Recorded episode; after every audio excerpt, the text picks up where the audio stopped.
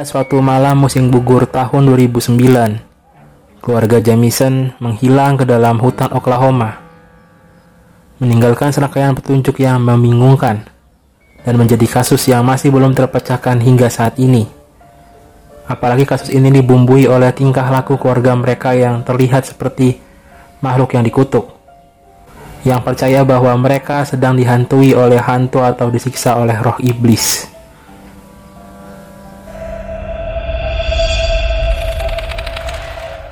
Bobby Jamison, Sherlyn Jamison, dan Madison Jamison tinggal di kota Eufaula, Oklahoma.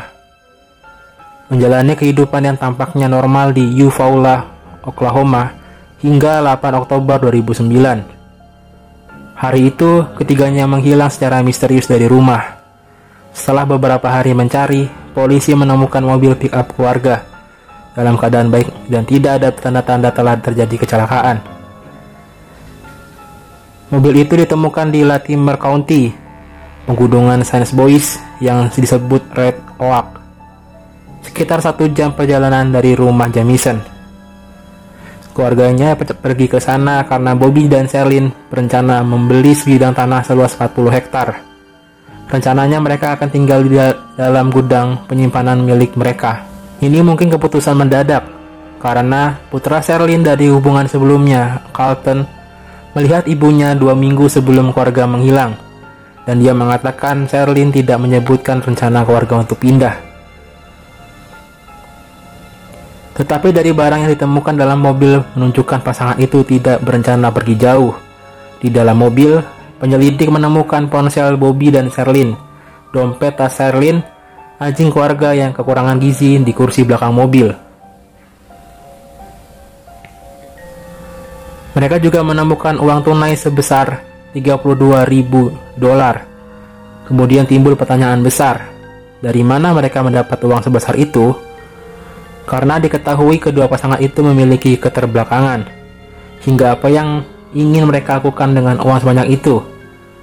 Para penyelidik curiga bahwa narkoba mungkin terlibat dalam menghilangnya keluarga mereka, dan fakta ditemukannya uang tunai dalam jumlah besar menguatkan dugaan ini. Tetapi mereka tidak dapat menjelaskan mengapa mereka akan membawa serta putri mereka untuk melakukan transaksi narkoba. Dan dari kondisi mobil yang ditinggalkan belum jelas apakah mereka pergi secara sukarela atau terpaksa akibat tekanan, sehingga meninggalkan barang-barang mereka begitu saja dalam mobil. Kemudian sebuah regu pencari dibentuk dan para penyelidik menyisir hutan bermil-mil dan daerah sekitarnya untuk mencari jejak keluarga Jamison. Namun mereka tidak menemukan apa pun. Kemudian kasus ini pun seakan tidak memiliki kemajuan. Hingga 16 November 2013, pada hari itu hanya 3 mil dari lokasi mobil itu ditemukan. Para pemburu menemukan sisa-sisa kerangka dua orang dewasa dan seorang anak. Pengujian forensik memastikan bahwa jenazah itu milik Bobby, Sherlyn, dan Madison Jamison. Tetapi karena keadaan pembusukan, penyebab kematian tidak dapat ditentukan. Polisi pun kembali menangani kasus ini.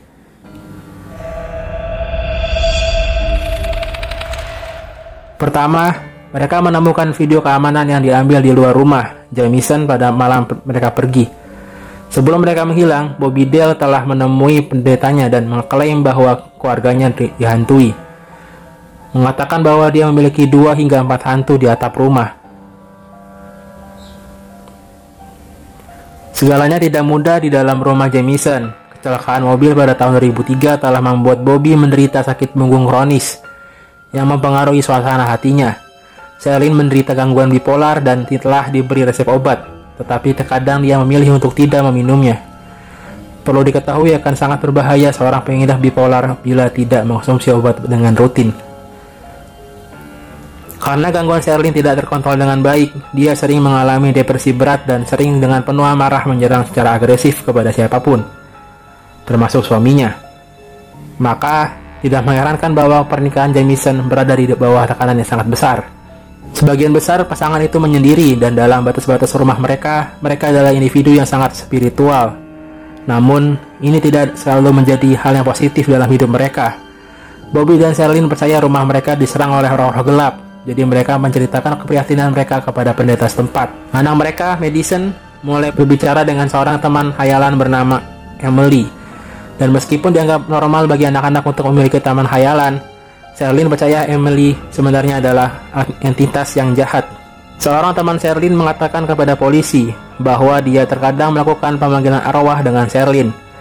Meskipun Sherlyn menganggapnya jauh lebih serius daripada yang dia lakukan. Sherlyn telah menulis pesan aneh di wadah penyimpanan tentang kucing hitamnya yang diracuni. Karena dia percaya bahwa seorang dari lingkungan itu telah membunuh kucingnya. Dan tulisan itu berbunyi, Penyihir tidak suka jika kucing mereka dibunuh. Seperti yang bisa dibayangkan, tetangga Sherlyn menganggap perilaku itu sangat tidak menyenangkan dan mereka menghindari keluarga Jamison. Tentu saja itulah yang diinginkan Jamison. Baik teman dan keluarga setuju dengan Jamison bahwa rumah mereka dihantui dan beberapa orang telah berbagi bahwa mereka juga mengalami hal-hal aneh di dalam rumah. Tetapi dengan depresi berat dan paranoia yang membayangi keluarga, tidak sulit membayangkan bahwa rumah itu memiliki kesan berat Bobby juga menjadi paranoia tentang keluarga yang dihantui oleh kejahatan. Pada suatu titik, dia bertanya kepada pendeta apakah dia tahu di mana dia bisa membeli peluru khusus untuk menembak beberapa roh yang katanya tinggal di atap rumah keluarga. Bobby juga berencana mencoba mengusir roh-roh di rumah dengan bantuan salinan The Satanic Bible yang telah dia beli. Dan dia pun mengaku kepada pendeta bahwa dia telah membacanya membuat beberapa orang percaya bahwa sihir mungkin menjadi faktor dalam kematian mereka.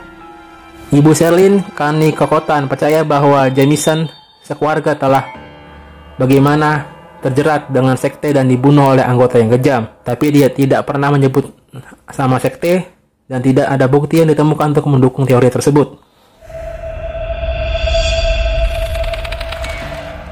Polisi memang menyelidiki teori bahwa itu adalah pembunuhan disertai bunuh diri.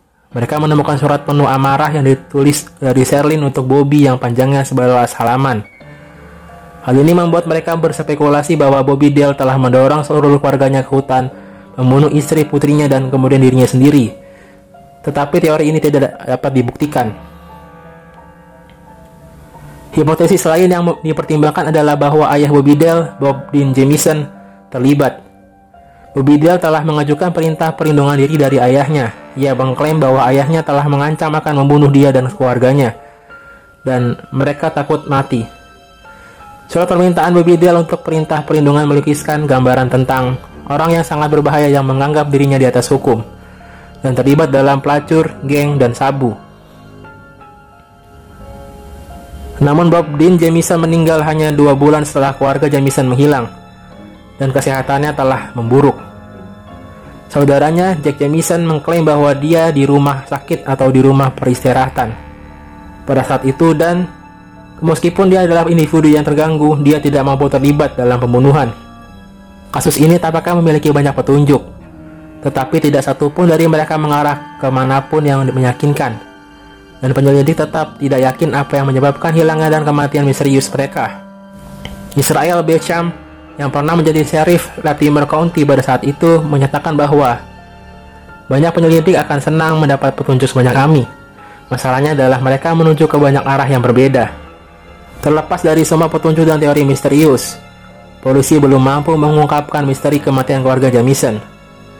Kasus tersebut masih belum terpecahkan hingga saat ini.